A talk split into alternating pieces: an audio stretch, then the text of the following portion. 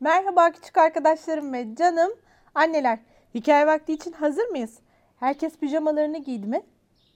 Hepinizin sağlıklı, mutlu ve huzurlu olduğunu umut ederek bugünkü hikayemize başlamadan önce öncelikle tüm canım annelerin anneler günü kutluyorum. Ve tabii ki başımın tacı annemin de. Ve şimdi Mihrimah'ın size çok küçük bir sürprizi var. Hazır mısın Mihrimah? Evet anne. Hadi bakalım. Bütün anneler çok iyidir. Der her zaman istediklerimizi yaparlar. Lar, Canım anneciğim seni çok seviyorum. Her, bütün annelerin em, anneler günü kutlu olsun. Hadi gelin hikayemize başlayalım. Canım anneciğim. Pompon bu sabah kalktığında içi içine sığmıyordu.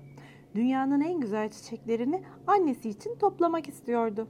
Çünkü bugün anneler günüydü. Küçük ayıcık evden çıktığında annesi hala uyuyordu. Pompon ormanın diğer tarafına giderek değişik renkli çiçekler bulmuş ve annesi için güzel bir çiçek demeti hazırlamıştı. Ancak geri dönerken ormanda kaybolduğunu anlayınca çok ürkmüştü. Anne ayı uyanınca küçük yavrusunu yatağında bulamamış ve çok endişelenmişti.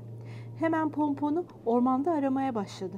Yaşlı bir ağacın altında küçük ayıcığı ağlarken buldu. Annesini karşısında gören pompon mutluluktan annesinin boynuna atladı ve özür dileyerek sen haklıydın anneciğim kendi başıma bir daha uzaklara gitmeyeceğim dedi. Anne ayı da yavrusuna sımsıkı sarıldı. Evet bazen annelerimizi dinlemeyebiliyoruz ya da söylediklerini, uyardıkları bazı şeyleri unutabiliyoruz. Umarım hiçbirimiz kötü tecrübeler edinmeden doğruları ve yapmamız gereken her şeyi mutlulukla öğreniriz.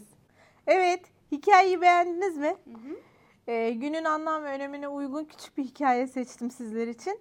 Umarım hepinizin sağlıkla tüm yılları annelerinizin yanında geçer mutlu bir şekilde. Ee, birbirimizi kırmadan, e, onları üzmeden ve her zaman anlayışlı ve karşılıklı bir şekilde birbirimizi anlayarak geçer tüm yıllarımız. Bugünlük de bu kadar.